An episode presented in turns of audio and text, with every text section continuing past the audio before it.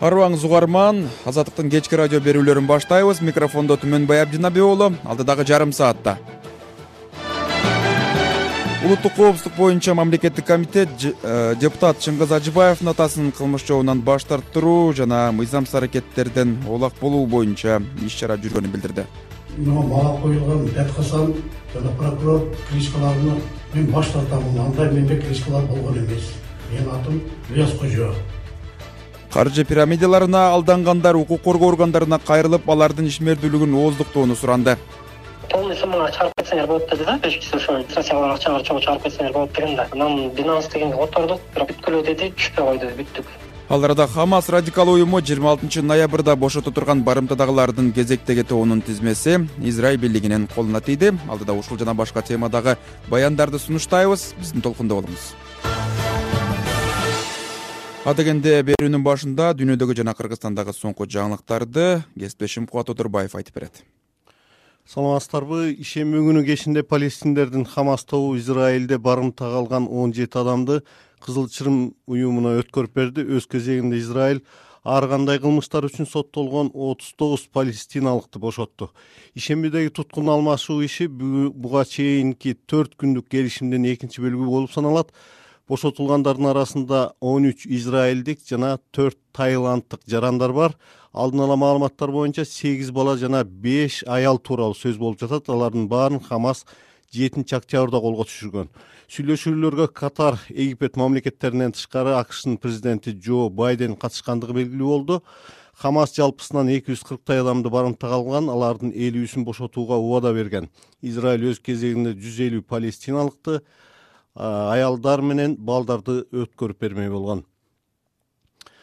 Орусиянын абадан коргонуу күчтөрү ишембиден жекшембиге оогон түнү москвага чабуул койгон бир нече учкучсуз аппараттарды атып түшүргөнүн андан жабыркагандар жок экендигин телеграм каналы аркылуу шаар мэри сергей собянин билдирди бүгүн түндө учкучсуз учактардан жапырт чабуул коюу аракети болду. Абадан коргонуу күчтөрү москваны беттеп бараткан дрондорду нарофоминск жана одинцово шаардык аймактарынан атып түшүрдү.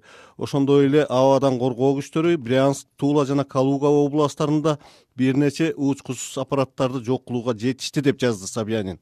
Ал арада москванын внуково жана домодедово аба майдандары учактарды кондуруп учурууну убактылуу токтоткондугу белгилүү болду.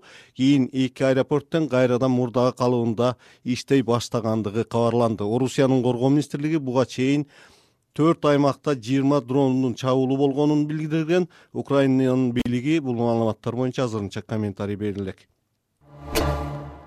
бүгүн жыйырма алтынчы ноябрда президент садыр жапаров бишкекте мамлекеттик ипотекага бериле турган үйлөрдүн курулушунун жүрүшү менен таанышты. Бул тууралуу президенттин маалымат катчысы аскат алагөзов кабарлады. Курулуш компаниянын өкүлдөрү мамлекет башчысына келэрки жылдын сентябрында көп кабаттуу үйлөрдүн он бири толук бүтөөрүн билдирген э, он бир э, көп кабаттуу үйдүн ар бири он сегиз кабаттуу анда жалпысынан тогуз жүз сексен алты батир бар. Ипотекалык үйлөрдү курууга саут өнүктүрүү фонду жүз миллион доллар бөлүүдө. Буга чейин ипотека аркылуу жалпы сегиз миң төрт жүз алтымыш эки жаран үйлүү болгон дагы он үч миң жети жүз токсон сегиз жаран кезекте турат. Бул күнү президент садыр жапаров ошондой эле кой таш аскер күбөлүгүнө барып ал жердеги материалдык техникалык база менен таанышты. Дүйнөлүк күрөш биримдигинин тартип комитети ирандык балбан мухаммад али герайини мелдештерден бир жылга четтетти уюмдун тараткан маалыматына караганда герай белградда өткөн дүйнө чемпионаты маалында коомдук тартипти бузгандыгы үчүн ушундай жазаланды. Мухаммад али герай иниси мухаммад резага күрөшүп жаткан таймаш маалында көрүүчүлөр отурган тараптан килемге бөтөлкө ыргыткан уюмдун тартип комитети анын негизинде балбанды ал дагы баардык э, беттештерден бир жылга четтетти. Ошентип гераи парижде өтө турган олимп оюндарына барбай калды. Бул жетимиш жети килограмм салмакта кыргызстандык акжол махмудов дүйнө чемпиону болуп париждеги оюндарга лицензия уткан олимп оюндары жыйырма төртүнчү жылдын жыйырма алтынчы июлунан он биринчи августка чейин өтмөкчү. Анда оюндардын отуз эки түрү боюнча спортчулар күч сынашат чоң рахмат соңку жаңылыктарды кесиптешим кубат отурбаев айтып берди. Азаттык чекит орг сайтында жана азаттыктын социалдык тармактардагы баракчаларында мындан башка дагы жаңылыктарды таап окусаңыз болот. Эми биз уктуруубузду уланталы улуттук коопсуздук комитети женго каймана аттуу кадыр досоновдун уюшкан кылмыштуу тобунун кызыл кыя шаарындагы башкы мүчөсү кармалганын билдирди. Маалыматта октябрдын башында бир катар кишилерди кылмыштуу топтордон жана ар кандай мыйзамсыз аракеттерден баш тартыруу боюнча дагы иштер жүргөнү айтылат. Анда жогорку кеңештин депутаты чыңгыз ажыбаевдин атасы ильяс кожо ажыбаевдин дагы ысымы жана кайрылуусу жарыяланды. Бул тууралуу кененирээк кийинки материалда сөз болот мага коюлган датказан жана прокурор кличкаларыны мен баш тартамын. Андай менде кличкалар болгон эмес. Менин атым ильяс кожо. Өзүн тааныштырып жаткан ильяс кожо ажыбаев жогорку кеңештин депутаты чыңгыз ажыбаевдин атасы. Улуттук коопсуздук комитети жыйырма бешинчи ноябрда уюшкан кылмыштуу топтордон жана мыйзамсыз аракеттерден баш тартуу иш чарасы жүргөнүн кабарлап анда баткен облусундагы төрт кишинин ушундай кайрылуусун жарыялады. Ушул убакытка чейин кыргыз республикасынын закондорунда жашап келгенбиз жашай беребиз. Эч кандай кылмыштуу топторго менин эч кандай тиешем жок. Атайын кызматтын маалыматына ылайык жыйырма үчүнчү сентябрда женго деген каймана аттуу кадыр досоновдун уюшкан кылмыштуу тобунун кызыл кыя шаарындагы положенеци гүлжигит малабаев ок атуучу куралдарды жана оок дарыларды ошондой эле маң затты мыйзамсыз сактоо фактысы боюнча кармалып ош шаарындагы тергөө абагына камакка алынган. Укмк кылмыштуу топтордон жана ар кандай мыйзамсыз аракеттерден баш тартыруу боюнча иштер жүргөнүн билдирип төрт адамдын тизмесин жана кылмыштуу топко тиешеси жок экенин айткан видео кайрылууларын жарыялады. Анда ажыбаев менен кошо досоновдун кылмыш тобунун мүчөсү катары милициянын каттоосунда турган үч жарандын ысымы айтылат өткөн аптада интернетке ажыбаевдин кримтөбөл камчы көлбаев менен түшкөн сүрөтү жарыяланган. Автору белгисиз сүрөт түзүүдө боюнча спорт комплексинин курулушунун жүрүшү менен таанышуу учурунда тартылганын анын уулу жогорку кеңештин депутаты чыңгыз ажыбаев буга чейин азаттыкка билдирген. Ажыбаев атасынын атайын кызмат тараткан видеодогу кайрылуусу боюнча мындай комментарий берди. Жок аны чакырганда жанагы баягы күнү жанагы налог боюнча чыгарбады беле менин ата энемдин фирмасы боюнча. Бизде ошол кезде тартылган экен да бир жарым ай болду. Сентябрь айында эле болгон да анын баарычы. Баш тарттым деген жери жок мен эч качан тиешем болгон эмес деп атат. Менин атам эч кандай андай тиешеси жок биз кудай деп келип эле жашап жүргөн адамдарбыз эч кимдин бир акысын жеген эмеспиз мүлкүн тартып алган эмеспиз эч качанчы. Фейк аккаунттар чыгарып аткан анын баары жанагы калктын баарын чыгарып атат. Улуттук коопсуздук мамлекеттик комитети сүлүктүү шаарындагы көмүр казкан айрым ишканалардын сатуудан жана экспорттоодон коррупциялык схемаларды аныкталганын онунчу ноябрда билдирди. Текшөрүүнүн жыйынтыгында ондой ишкананын салыгы кайра эсептелип эки жүз элүү миллион сомдой салыктын сексен миллион сомдон ашыгы өндүрүлгөн. Анда кырк сегиз миллион эки жүз жетимиш беш миң сом төккөн рио групп деген ишкана ильяс кожо ажыбаевдин аялы асилхан макамбаева экенин азаттык өз иликтөөсүндө аныктаган. Укмкнын тизмесиндеги жыйырма эки миллионго жакын каражат төккөн кен ордо ишканасынын расмий кожоюну азамат набиев ал баткен облусунун мурдагы прокурору буга чейинки чуулгандуу журналисттик иликтөөлөрдө аты аталган нуркамал набиевдин тууганы. Ал кызматта турганда лейлектеги жер чырына байланыштуу кызматтан алынган депутат чыңгыз ажыбаев болсо нуркамал набиевдин күйөө баласы. Так ушул набиевдин ысымы лейлек районундагы жаңы жер айылындагы мамлекеттик мүлктүн менчиктештирилиши боюнча иликтөөдө да айтылган. Муну айтып чыккан бешкент айыл өкмөтүнүн башчысы кызматтан убактылуу четтетилген бекжан жалилов ажыбаев набиевдер райондогу кадрдык дайындоолорго чейин таасир эткенин айтууда. Булар лейлекте деген э, мамлекеттин ичиндеги мамлекет түзүп алган булар айыл өкмөттөрдөн акимден баштап мэр айыл өкмөттөргө чейин баардыгын э, башкарып алышкан. Анан биз койдук именно биздин өзүбүздүн шайлоодо криминалдык структурадагы адамдарга чейин тарттырып бизди чакыртырып мага келип кетсин тигиндей деп эме кылган биз баш ийбей койгонбуз. Депутат ажыбаев болсо алар эл катары жашай турганын айтып мыйзамсыз аракеттерге барышпаганын жогоруда айткан болчу улуттук коопсуздук комитети өлкөдө криминалдык топтор менен күрөш жүрүп жатканын айтып келет. Атайын кызматтын төрагасы камчыбек ташиев жогоруда сөз болгон кадыр досонов кылмыштуу топтон баш тартканын айтканы менен криминалдык иштерге аралашып жатканын жыйырма үчүнчү ноябрда жогорку кеңештин жыйынында билдирген. Мына бүгүн азыр женганы алдырып атамын эмеден. Оштон он при всех признавал тем что то он отказывается от э, воровской идеи. Нет он не отказался. Бул эмеге экранга айтып коюп он продолжает. Я сделаю так чтобы он не продолжал я сделаю так что он никогда не стал дальше лидером опг кыргызстанда крим чөйрөнүн ана башы аталган камчы көлбаев төртүнчү октябрда бишкекте укмкнын атайын операциясы маалында өлтүрүлгөн тогузунчу октябрда укмк аны менен байланышта болгон кырктан ашык адам кылмыштуу топтун активдүү мүчөсү катары кармалганын ага тийиштүү делген жалпы наркы бир миллиард доллардык активдер камакка алынганын билдирген. Айбек бийбосунов азаттык бишкек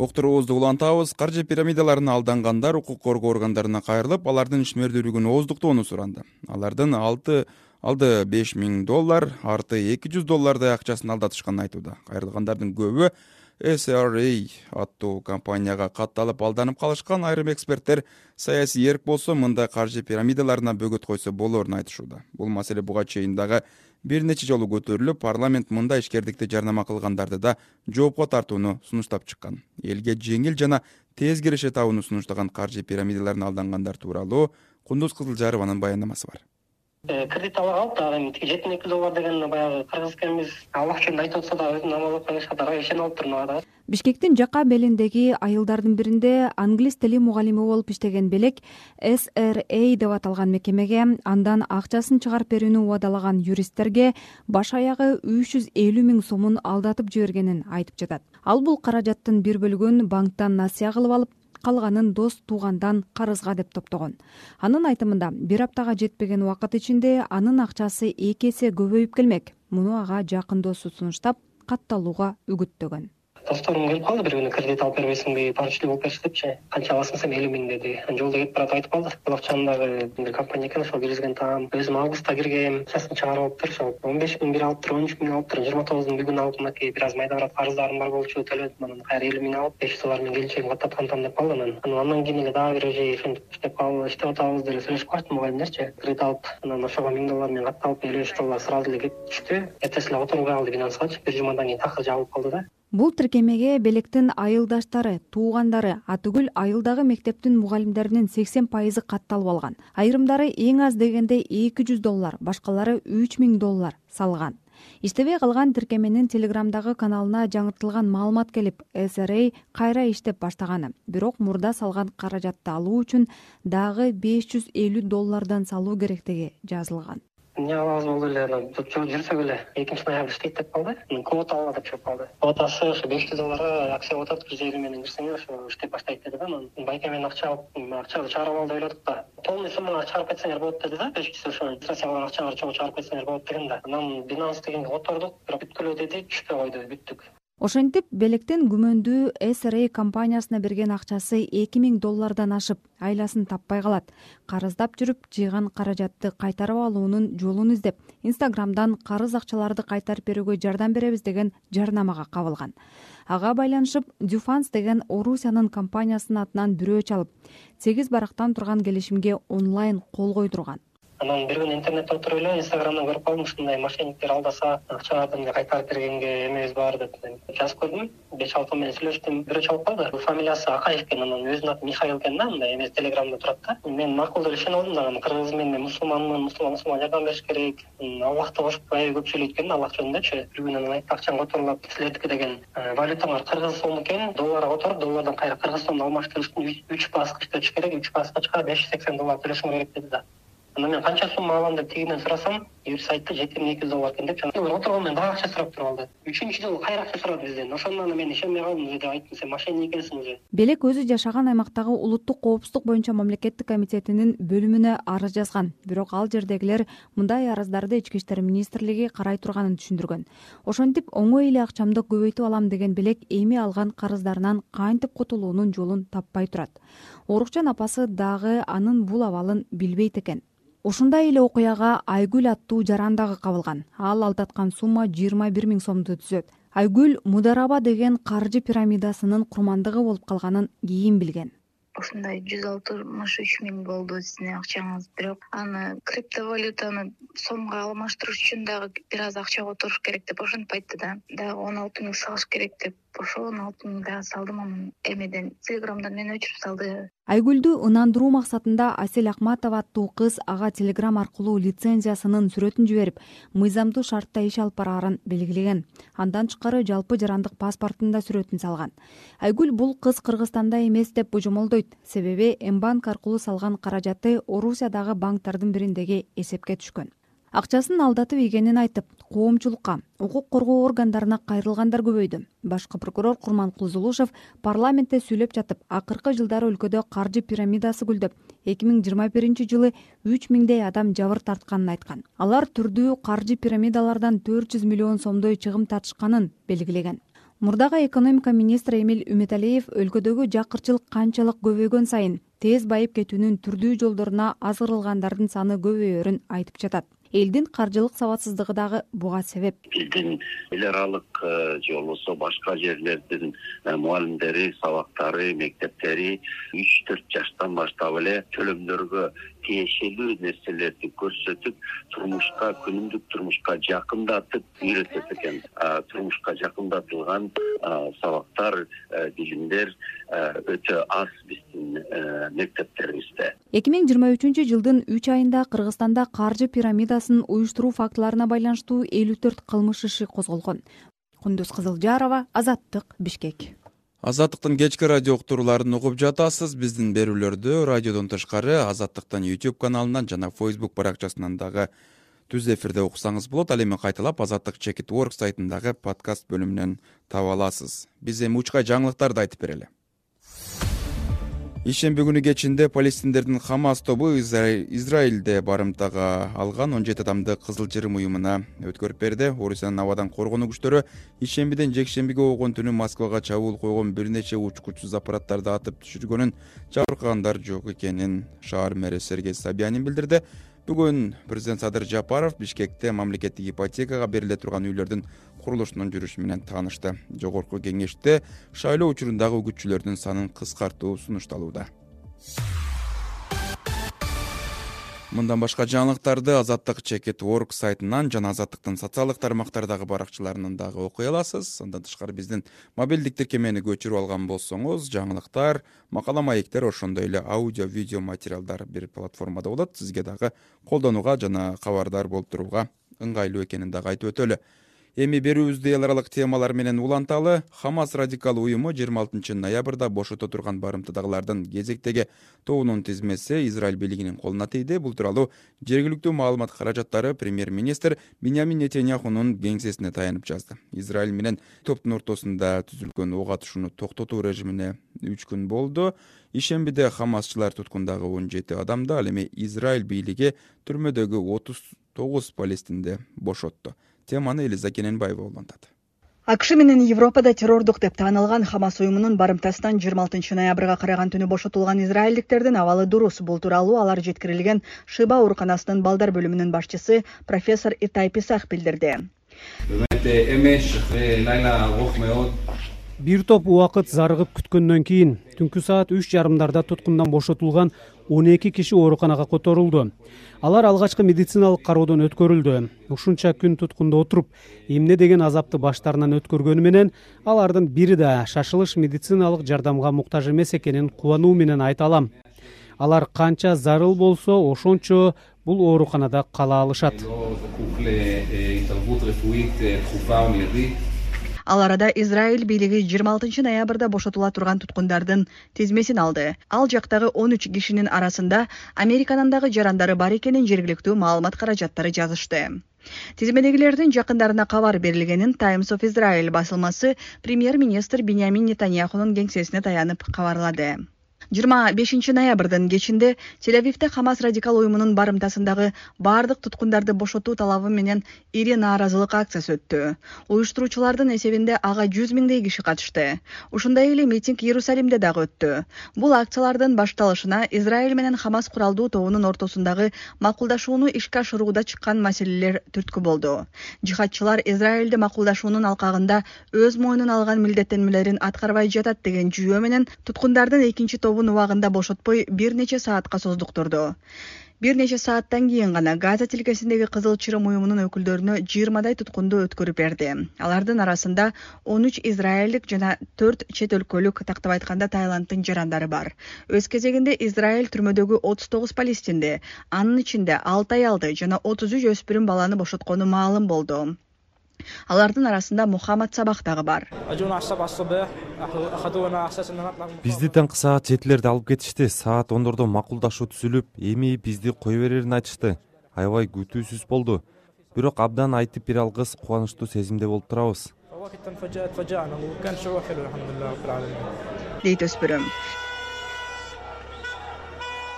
израиль түрмөсүнөн бошотулгандарды батыш жээкте жүздөгөн адамдар тосуп алышты. Өспүрүмдөрдү чогулгандар баштарына көтөрүп көчөлөрдөн жөө жүрүш кылып майрам уюштурушту израиль менен хамас радикал уюмунун ортосунда акш катар жана египеттин ортомчулугунда түзүлгөн макулдашууга ылайык төрт күнгө ок атышуу токтотулат. Хамас радикал уюму жетинчи октябрда израилде барымта калган эки жүз жыйырмадан көп туткундун элүүсүн бошотот ал эми израиль өз кезегинде түрмөдөн жүз элүүдөй палестинди негизинен аялдарды жана балдарды эркиндикке чыгарат. Андан тышкары газа тилкесине күнүнө эки жүздөй жүк ташуучу унаа гуманитардык жардам жана төрт машине күйүүчү май киргизүүгө уруксат берилет. Эл аралык кызыл чырым уюмунун өкүлү мамаду соу алар гуманитардык жардамды таркатып жатканын билдирди биз эң керектүү делген гуманитардык жардамды тосуп алып газа тилкесине бөлүштүрүү иштерин да жасап жатабыз. Биз насер ооруканасына бардык. Газадагы европа ооруканасына бардык. Бейтаптарга зарыл буюм тайымдарды таркаттык. Суук түшүп калды. Азыр жууркандарды таратып жатабыз. Бирок дагы эле жетиштүү эмес. Жакынкы күндөрдө жана жумаларда дагы көбүрөөк гуманитардык жардам жеткиребиз деген үмүттөмүн ок атышууну токтотуу режими күчүнө кирген жыйырма төртүнчү ноябрдан баштап газа тилкесине алтымыш бир машине гуманитардык жардам киргизилди. Ошондой эле жүз жыйырма тогуз литр күйүүчү май жеткирилди макулдашуу күчүнө киргендин биринчи күнү хамас радикал уюму он үч израилдикти жана он бир чет өлкөлүктү бошоткон. Ал эми израиль түрмөдөгү отуз тогуз палестинди негизинен аялдарды жана балдарды кызыл чырым уюмунун өкүлдөрүнө өткөрүп берген. Жакынкы чыгыштагы жаңжалдын эскалациясына хамас куралдуу тобунун жетинчи октябрда израилге кол салуусу түрткү болгон. Согушкерлер израилдин калктуу конуштарына кирип барып бир миң эки жүз кишини жок кылган. Эки жүз жыйырмадан көп адамды барымтага алып газа тилкесине чыгарып кеткен буга жооп кылып жөөт армиясы хамаска каршы согуш жарыялап аталган радикал уюмдун көзөмөлүндөгү газа тилкесине адегенде абадан сокку уруп кийин жердеги аскердик операциясын баштаган. Курчоодо калган палестин анклавынын саламаттык сактоо башкармалыгы билдиргендей кеминде он беш миңдей киши набыт болду. Бул санды көз карандысыз булактардан ырастоо эч мүмкүн эмес. Элиза кененбаева азаттык. Куугунтук курмандыктары жазыксыз жерден жайран болгон тагдырлар саясий репрессиянын айтылбаган өңүттөрү улут трагедиясын унуттурбаган коомдук эс тутум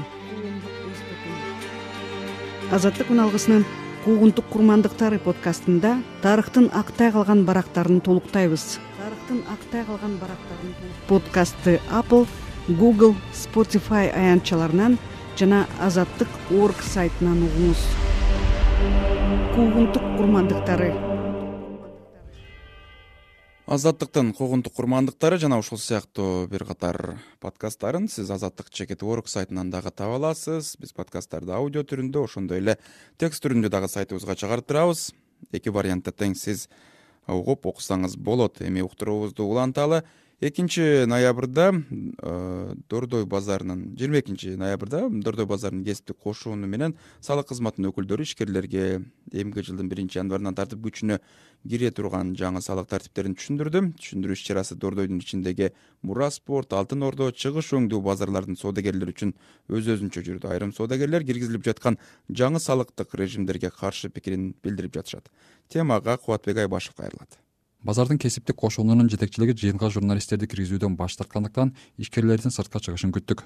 Салыктык өзгөрүүлөрдү ишкерлердин бир бөлүгү ынануу менен кабыл алып чыкса дагы бир тобу каршылыгын билдирип жатты. Жеке ишкер бурмакан раева салыкчылар ишкерлердин албай калган кирешесине да ортоктош болуп жатканын айтып мындай мамиле адилетсиздик деп эсептейт. Конечно жаңыланыш керек. Бирок э, аны дагы э, толук иштеп ошол эл ошого даярбы? Э, булар деген мисалы ала турган болсок азыр бул жерде көп минустар бар экен да. Сатылбаган товарга деле остаток деген болот. Булар сатылган эле товар сатылды сатылбады налог төлөйт экенбиз.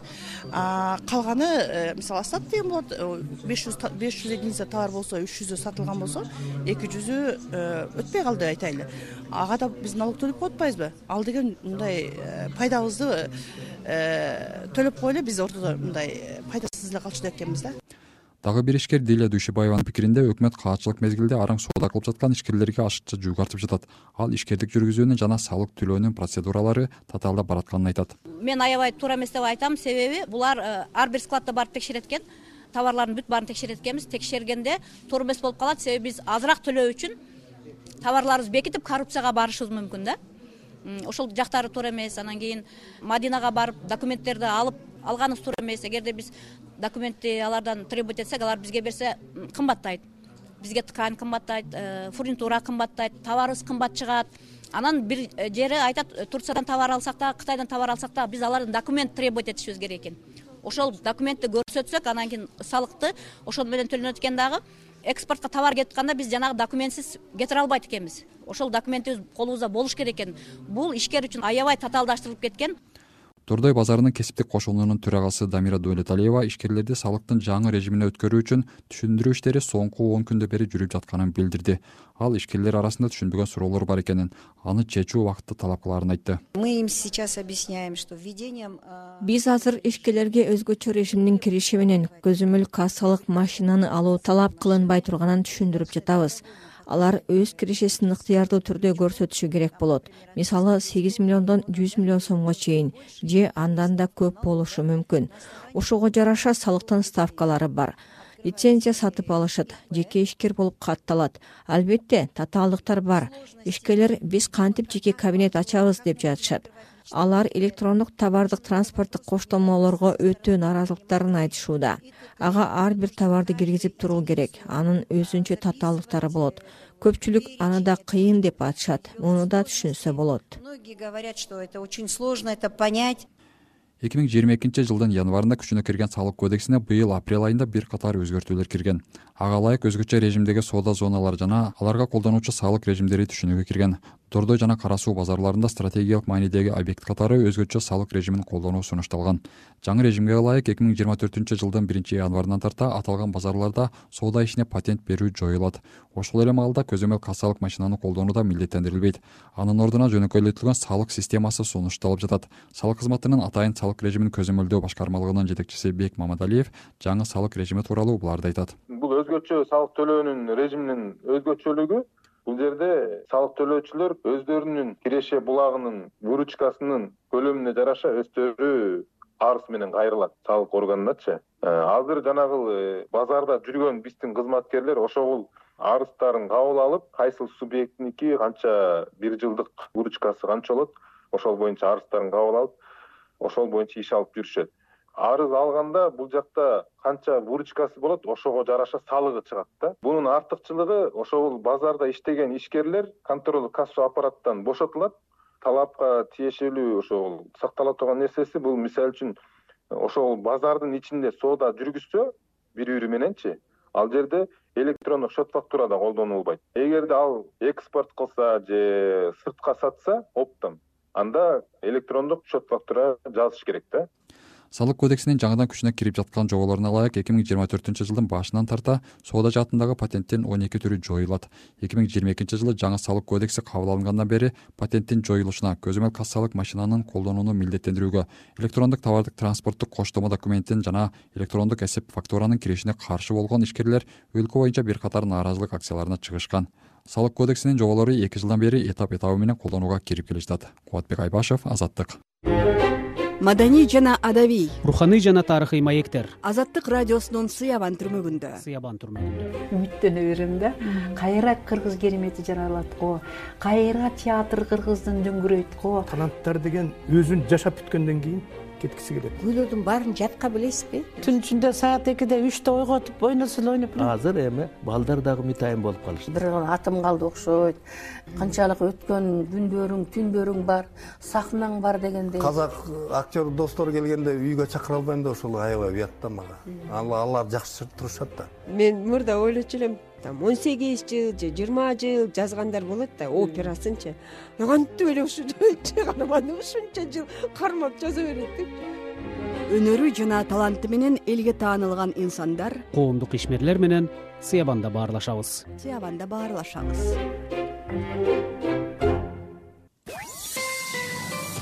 эртең бишкек шаарында жаан кар жаабайт абанын температурасы түнкүсүн үч беш күндүз он тогуз жыйырма бир градус жылуу болот. Ал эми чөйрөнүндө түнкүсүн бир алты күндүз он алты жыйырма бир градус болсо таласта түнкүсүн минус бир плюс төрт күндүз он төрт он тогуз баткен ош жалал абад облустарында түнкүсүн эки жети күндүз он жети жыйырма эки градус жылыйт.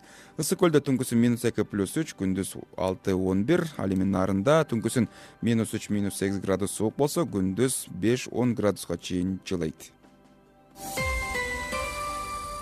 урматтуу угарман ушуну менен кечки берүүлөрдү жыйынтыктайбыз. Аны бишкектен мен түмөнбай абдинаби уулу алып бардым. Жаңылыктарды кубат оторбаев алып барды. Ал эми эфирдеги пультту канат карымшаков башкарды. Кечиңиздер көңүлдүү улансын